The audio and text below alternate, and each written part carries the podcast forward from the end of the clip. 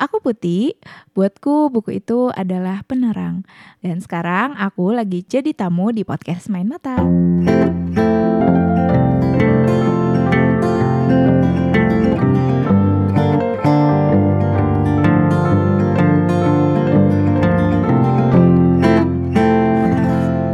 Aku Peti dan kamu lagi dengerin podcast Main Mata yang didukung oleh jaringan Potluck Podcast. Podcast Main Mata adalah podcast buku yang ngebahas banyak hal seputar dunia perbukuan, seperti obrolan dengan para pelaku di dunia buku, juga ada rekomendasi berbagai jenis buku dan tantangan untuk kamu para pembaca. Selamat mendengarkan! Di bab ini, kamu lagi dengerin segmen buku tamu. Aku bikin segmen ini karena pengen bisa ngobrol dengan orang-orang dari berbagai latar belakang. Soalnya aku penasaran banget bacaan mereka yang berkaitan dengan profesi atau latar belakang mereka itu apa aja sih? Lumayan buat nambah daftar bacaanku selanjutnya dan mudah-mudahan bisa jadi referensi buat kamu juga. Segmen buku tamu kali ini masih bersama Putih Puar. Dia adalah seorang ilustrator, penulis, dan influencer yang banyak menginspirasi orang soal produktivitas dan juga keseimbangan antara kehidupan dan pekerjaan. Di luar kesibukannya, Putih ini juga punya klub buku online yang bisa kamu cek akun Instagramnya di @buibubacabuku Nah, sesuai dengan namanya, Putih bikin klub buku ini untuk ngajakin ibu-ibu supaya tetap baca buku di tengah kesibukan. Soalnya dia sendiri juga udah menjadi seorang ibu. Kenapa sih penting buat ibu-ibu untuk tetap baca buku? Dan kenapa klub buku? Kita dengerin yuk obrolannya. Hai hai, aku lagi bersama dengan Putih Puar. Dia ilustrator iya, penulis buku iya, udah nerbitin dua buku, terus juga sosial media influencer iya.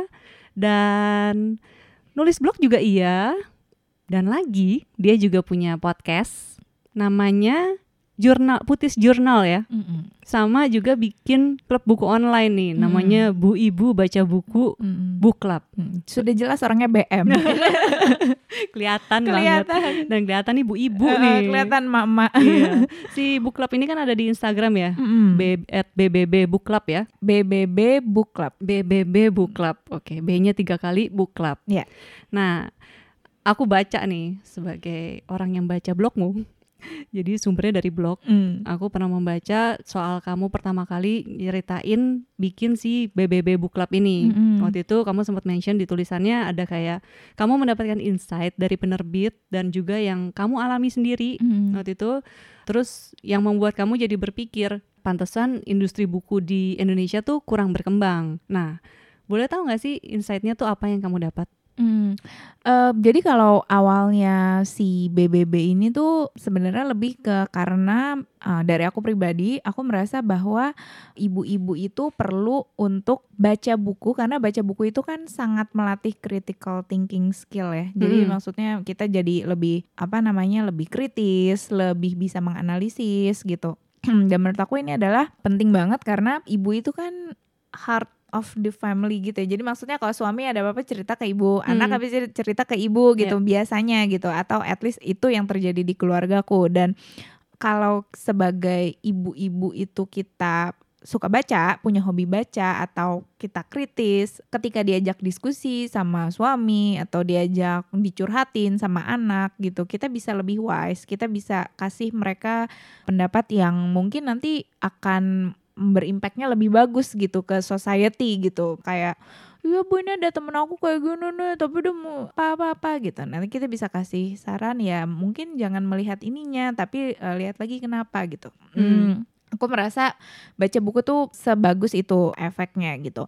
Nah kalau yang uh, ngomongin soal penerbit memang karena aku udah ada dua buku aku emang ngerasain bahwa memang industri buku tuh super challenging. Hmm. dan dengan adanya sosial media sekarang dengan arus informasi yang deras dan orang mau willingly ngasih itu gratis dalam tanda kutip gratis ya orang tuh seperti udah nggak nggak merasa perlu lagi untuk baca buku gitu. Sehingga ini jadi challenging banget kan untuk si industri buku itu sendiri gitu. Belum lagi memang sepertinya kita memang dari awal nggak terlalu punya habit baca yang kuat Hmm. Ya, jadi secara kedewasaan literasi di secara nasional juga maksudnya secara negara nih kayaknya kita bukan bangsa yang tingkat literasinya tinggi apa apa terus ini gimana apa referensinya apa apa Iya. gitu jadi Soalnya kita lebih terbiasa didongengin sih, Iya. jadi dari mulut ke mulut ya. betul betul dan sekali lagi bukan artinya me- mendongeng itu tidak baik gitu Iya. tapi di era komunikasi yang sekarang apa apa serba tertulis serba ini ya sebenarnya perlu banyak ya itu tadi aku bilang sih critical thinking perlu untuk menjadi kritis gitu. Nah kalau yang soal penulis ini nah aku merasa bahwa ya udah kan era informasi seperti ini ya banyak banget. Orang tuh informasi sampai bingung mau yang mana gitu.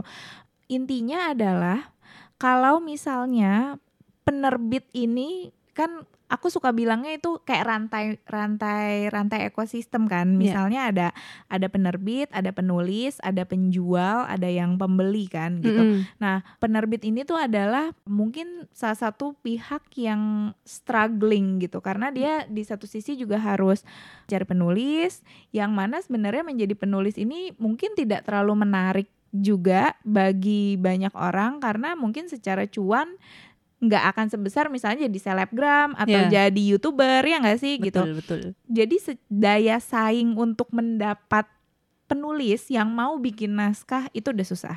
Terus Hmm. udah gitu itu baru dari segi penulis. Terus udah gitu dari segi marketnya juga. Udah nyari penulisnya susah, nyari market yang mau belinya juga susah karena loh ngapain juga gue beli buku orang semua semua udah ada di YouTube kok semua semua udah ada di apa kok gitu. Nah jadi kalau yang aku lihat itu struggle-nya dan sepertinya posisi ini juga akhirnya berimpact ke si penjual buku.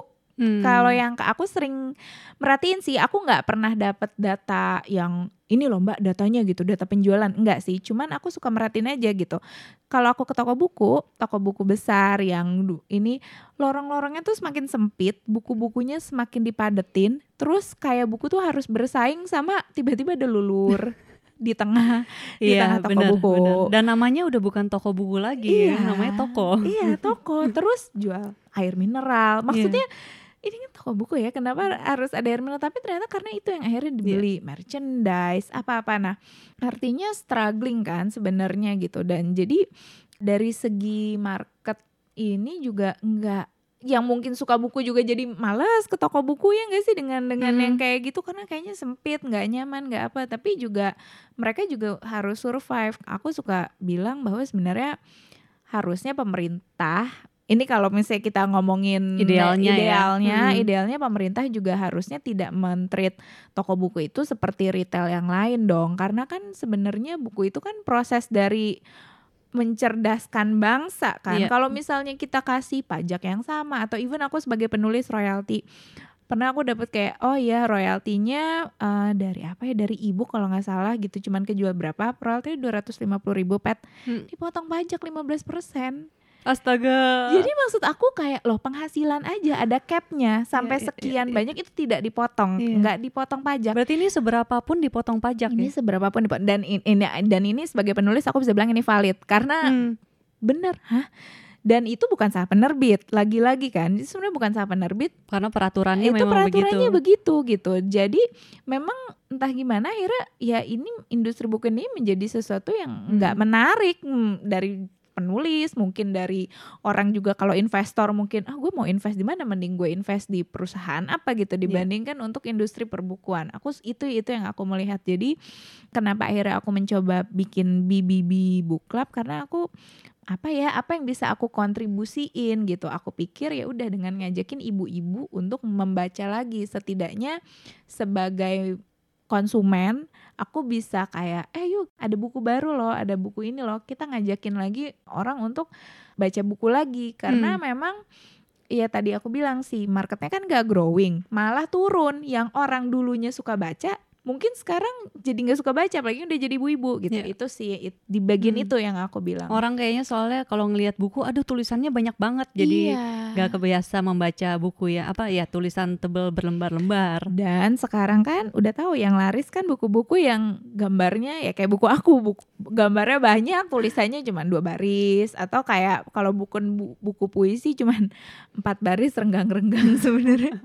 Kalau dipadetin mungkin cuma dua halaman. Tapi itu sih apa ya? Ya itu kan permasalahan tata letak kali ya. Sebenarnya kan yang penting kan kontennya. Kalau aku sih Mm-mm. mau dia cuman berapa apa mau dia banyak gambar, Mm-mm. tulisannya sedikit, tapi sebenarnya kan yang penting konten. Iya, itu aku Mm-mm. setuju sih. Cuman memang yang aku soroti adalah akhirnya industri buku harus bisa beradaptasi sama Iya. market sekarang yang kayaknya nggak biasa baca tulisan Hmm, banyak. bener, bener, gitu.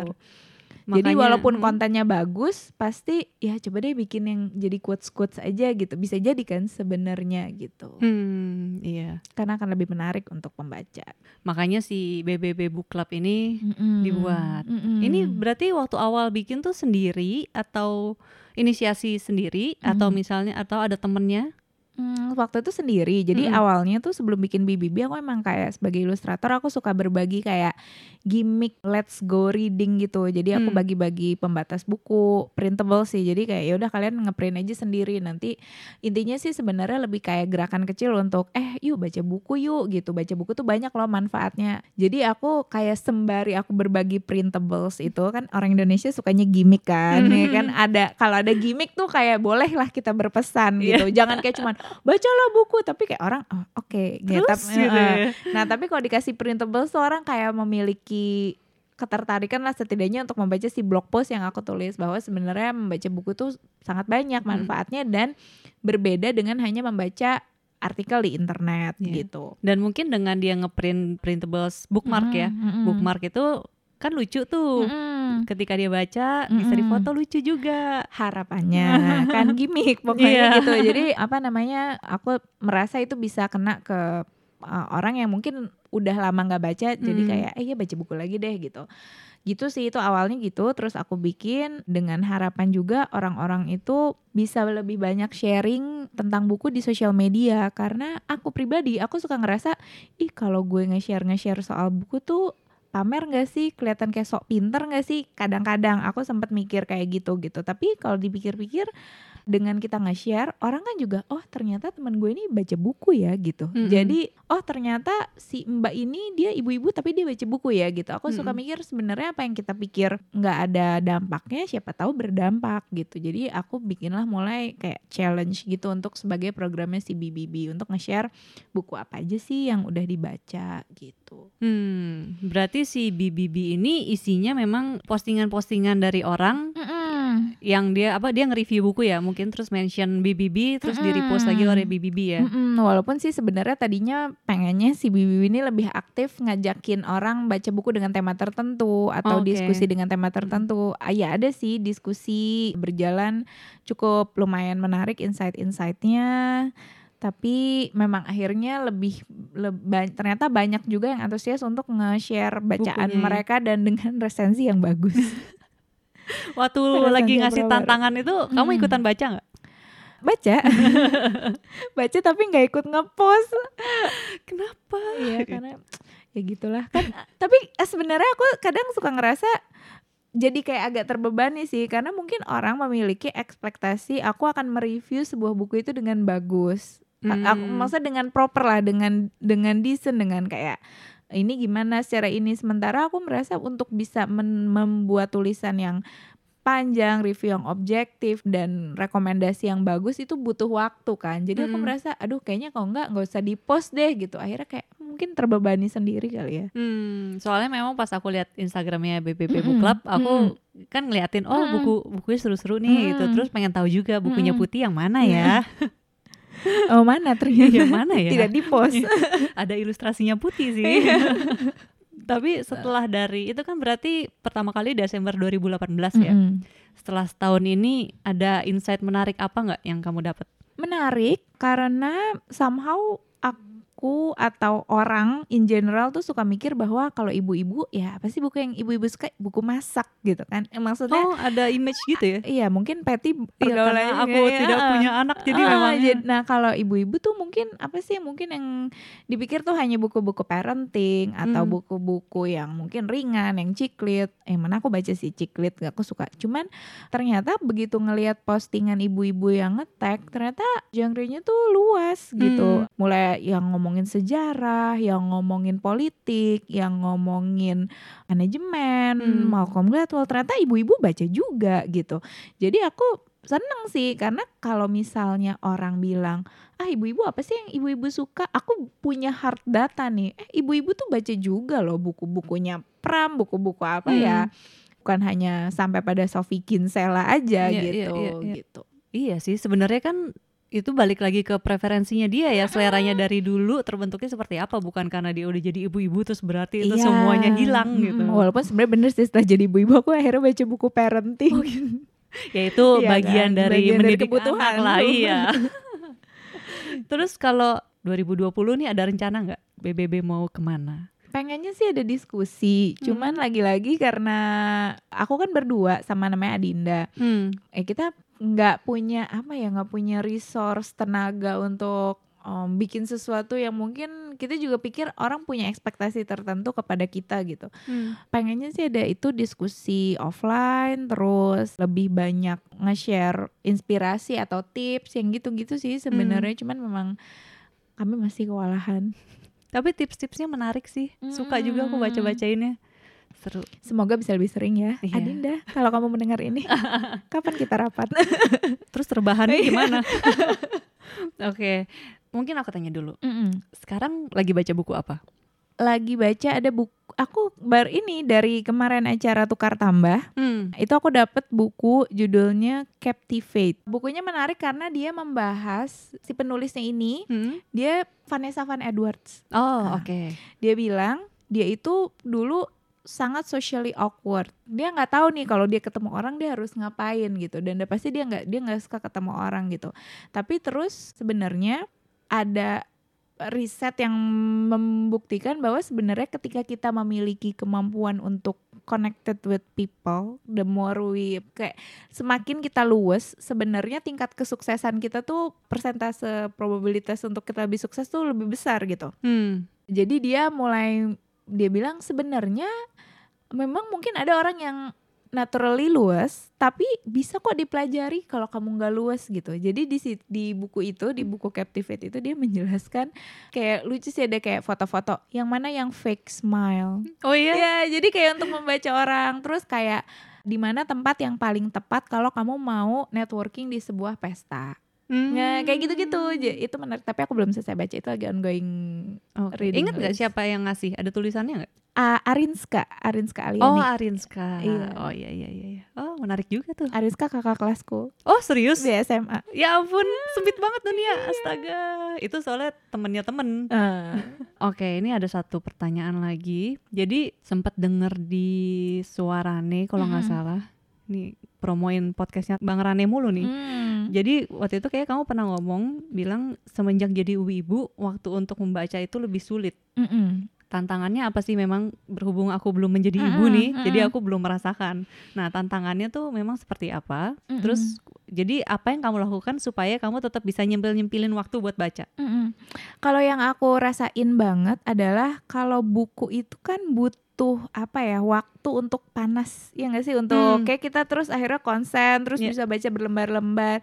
Nah sementara yang sulit Hmm. bagi ibu-ibu itu adalah menemukan waktu yang dia bisa agak lama gitu, agak panjang. Jadi Hmm. mungkin punya waktu tapi misalnya banyak distraksinya gitu. Nanti misalnya anaknya minta ini atau minta itu. Jadi untuk bisa duduk setengah jam atau satu jam eh, tanpa terganggu itu belum tentu bisa bisa Hmm. bisa ada gitu dan kalaupun misalnya ada ya mungkin ya kan gue mungkin harus ngerjain pekerjaan lain gitu entah itu nyuci masak atau apa atau mungkin kayak aku ya kerjaan yang beneran kerjaan gitu Itu durasi apa ya bilangnya ya? Waktu kosong itu yang Mm-mm. setengah jam sejam itu semakin berkurang atau bertambah ketika anak tambah besar? karena anakku juga baru tiga tahun Mm-mm. dari dia bayi ke sekarang umur tiga aku ngerasa waktunya semakin semakin ada Oh, semakin ada, ya. Hmm. tapi ya itu dia mungkin tergantung juga dari sup- support system si Hmm. ibunya juga kali ya karena kan kalau aku ada mbak Iya.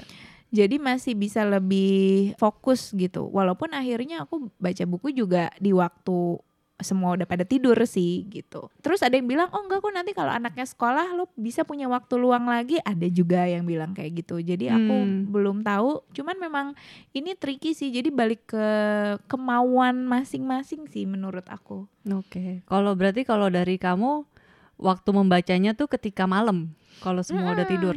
Atau aku tuh orangnya suka multitasking gitu. Jadi misalnya sambil makan. Eh, itu kayak misalnya Hmm. istirahat makan siang, aku suka sambil baca tuh. Kayak Hmm. ya paling dapat berapa halaman, tapi setidaknya karena continue kita nggak karena biasa kalau udah kelamaan nggak baca tuh suka males atau Iya. kayak buku kita udah lupa buku apa sih terakhir baca terus kenapa dia gitu nah jadi lebih ke kayak yang waktu-waktu pendek-pendek itu kadang aku pakai supaya nggak lupa gitu supaya continue Hmm, oke. Ini pertanyaan terakhir. Mm-mm. Tadi kan kamu bilang kenapa pengen ngajakin ibu-ibu baca? Mm-mm. Itu kan supaya karena anak banyak cerita ke ibu. Mm-mm. Suami juga curhat kan ke Mm-mm. ya ke istrinya Mm-mm. perempuan juga. Nah, kalau dari kamu sendiri ada nggak rekomendasi buku nih Mm-mm. yang mungkin karena kamu sering karena udah punya anak juga, Mm. terus mungkin juga jadi referensi bacaan anak pun bertambah Mm-mm. pastinya. Ada nggak rekomendasi buku anak yang kamu suka? Mm-mm. Jadi ada buku favorit anakku yang jadi buku favorit aku juga. Hmm. Buku anak favorit itu yang bikin namanya Richard Scarry. Mm-mm. Itu udah dari tahun 60-an sampai sekarang masih dicetak ulang. Mm-mm. Karena bukunya memang bukunya banyak tapi ada satu yang aku suka tuh namanya Busy Town itu kayak lumayan lumayan legend juga. Jadi dia menjelaskan tentang apa sistem sosial gitu soal eh, bekerja, soal uang, tapi dengan Oh. cara-cara yang sangat sederhana. Jadi menurut aku kan kalau menyampaikan sesuatu dengan sederhana kan berarti itu bukan hal yang mudah kan. Iya, kalau bisa betul. mengajarkan sistem d- mulai dari orang bertani sampai dia dapat uang sampai dia bisa nyimpen ke bank tuh nah itu dia menjelaskan terus menjelaskan tentang pekerjaan orang itu macam-macam ada Hmm. yang ada yang kerjanya pindah-pindah ada yang kerjanya stay ada yang kerjanya indoor outdoor terus jadi ilustrasi sama tulisannya tuh sangat bisa memberi pengertian ke anak gitu Hmm, itu untuk umur berapa cocoknya? anakku sih udah bisa sih umur tiga tapi mungkin semakin gede semakin bagus ya maksudnya Hmm. itu masih relevan kalau dibaca untuk anak TK, anak SD karena jadi jadi lebih ngerti konsepnya gitu. Oke. Mm-mm. Ada lagi? Sama sama buku yang dari dulu. Jadi ada buku yang waktu aku kecil aku suka baca sama orang toko tuh masih disimpan. Mengapa begini, mengapa begitu. Nah, itu aku suka bacain juga ke anakku. Oh, Iya iya iya Mm-mm. iya. Ya, Dia juga suka dengerin itu. Dia suka suka aku bacain. Terus aku Hmm. juga kayak oh ya kayak nostalgia dan sebenarnya banyak hal-hal yang ah kita udah tau lah yang kayak gitu gitu tapi pas ditanya kadang-kadang kita nggak tahu juga kayak misalnya anakku nanya ibu penyu makannya apa? gitu kan. Atau kayak misalnya bu kalau microwave tuh kenapa bisa anget? gitu kan kayak Waduh. "Hmm, oh oke. Tapi sebenarnya kita merasa kita udah udah ngerti tapi dengan ada buku-buku kayak gitu tuh kayak oh kita belajar lagi sih. Oh, tapi seru juga ya dengerin pertanyaan anak kecil tuh sangat Iya, tidak iya, iya. terduga ya. terus ibu kalau cicak itu anaknya dari mana? gitu. Hmm, kayak oh, oh sepertinya cicak bertelur ya coba sebenarnya ibu cari dulu di Google. Tapi dengan tapi eh, menurut aku itu sih pentingnya juga ngajarin anak baca karena menurut aku banyak pertanyaan juga gitu yang dia bisa tanyain. Dengan ba- tata bahasa yang kalau yang aku lihat bedanya anak yang suka dibacain buku sama enggak dia punya vocabulary yang lebih luas gitu loh. Jadi yang dia Hmm. bahas itu bukan karena kan kalau enggak karena buku kita nggak akan mungkin membahas reproduksi penyu gitu kan enggak kan pasti atau misalnya tentang microwave gitu itu Hmm. kan kalau kita ad, atau pemadam kebakaran karena tidak dekat dengan keseharian kita kan tapi Hmm. begitu ada bukunya kita jadi membahas itu jadi ada konteks-konteks yang dia bisa belajar karena kalau cuma ngomong keseharian kan paling tetangga Iya. apa gitu gitu sih Hmm, Seru juga. Mm-mm. Berarti ketika kamu membacakan buku buat antariksa Hmm. harus siap-siap dengan pertanyaan balik ya. Iya, iya sih. Udah gitu aku kan agak-agak sok-sok mau idealis. Oke, nggak boleh dijawab dengan jawaban yang seenaknya gitu. Jadi lumayan latihan berpikir. Sempet googling-googling dulu nggak? Sebentar ya ibu cari Ya. tahu dulu. Sampai kadang-kadang ada kalau misalnya kalau nyari explanation untuk aku sendiri, kadang aku kalau googling yang aku googling adalah misalnya explain World War for kids. Jadi kayak Oh. dijelasin karena kadang-kadang kan kita kalau baca tuh, wah ini Iya, apa iya. nih gitu kan. Rumit kayak banget ya. how to tell your children what happened in Syria. Oh. Kayak- Jadi kayak karena iya nih kayak kita harus tahu nih kenapa gitu. Tapi kan apa nih kayak kalau nggak ngerti konteksnya jadi kadang-kadang aku juga memang suka akhirnya mencari referensi Iya, untuk anak Bener sih. juga sih, soalnya kalau cuma googling what happened in Syria kayak pasti sejarahnya Iya, panjang dan banget. kayak ya. link-linknya juga banyak kan tapi kayak begitu terus kadang-kadang ada animasinya oh gitu ya oke baik Oke, baiklah kalau begitu. Thank you Putih buat rekomendasinya. terima kasih Eh, Pak iya. Tadi yang Hmm. bukunya Richard Scarry itu bisa dibeli di mana? Tahu nggak? Kayaknya book depository bisa deh Book depository ya. Uh-uh. Oke. Kalau mengapa begini, oh mengapa begitu? Kinokuniya juga ada Richard oh, Oke. Hmm. Kalau mengapa begini, mengapa begitu ada di mana ya? Hmm, mungkin di e-commerce Iya, yang buku kali ya. bekas kali ya. Oh iya benar. Mungkin bisa dicari di iya iya iya. Aplikasi-aplikasi Aplikasi. itulah ya. Oke baik ya udah. Thank you untuk rekomendasi bukunya. Terima Thank you kasih. juga udah mau diajak ngobrol. Kalau mau cari tahu tentang putih bisa ke mana? Bisa ke blog byputih.com atau ke Instagram at byputih. Oke baiklah. Dadah. Dah. Terima kasih ya udah dengerin obrolan dengan Putih. Kalau kamu mau berbagi pengalaman hal yang sama, mau kasih komen, saran atau masukan, boleh banget. Yuk kirim ke podcast Main Mata, bisa lewat DM atau mention di Instagram. Bisa ke aku di @patricia.wulandari atau ke @potluckpodcast. Kalau mau lewat Twitter juga bisa ke @patipatigulipat. Ditunggu ya. Dadah.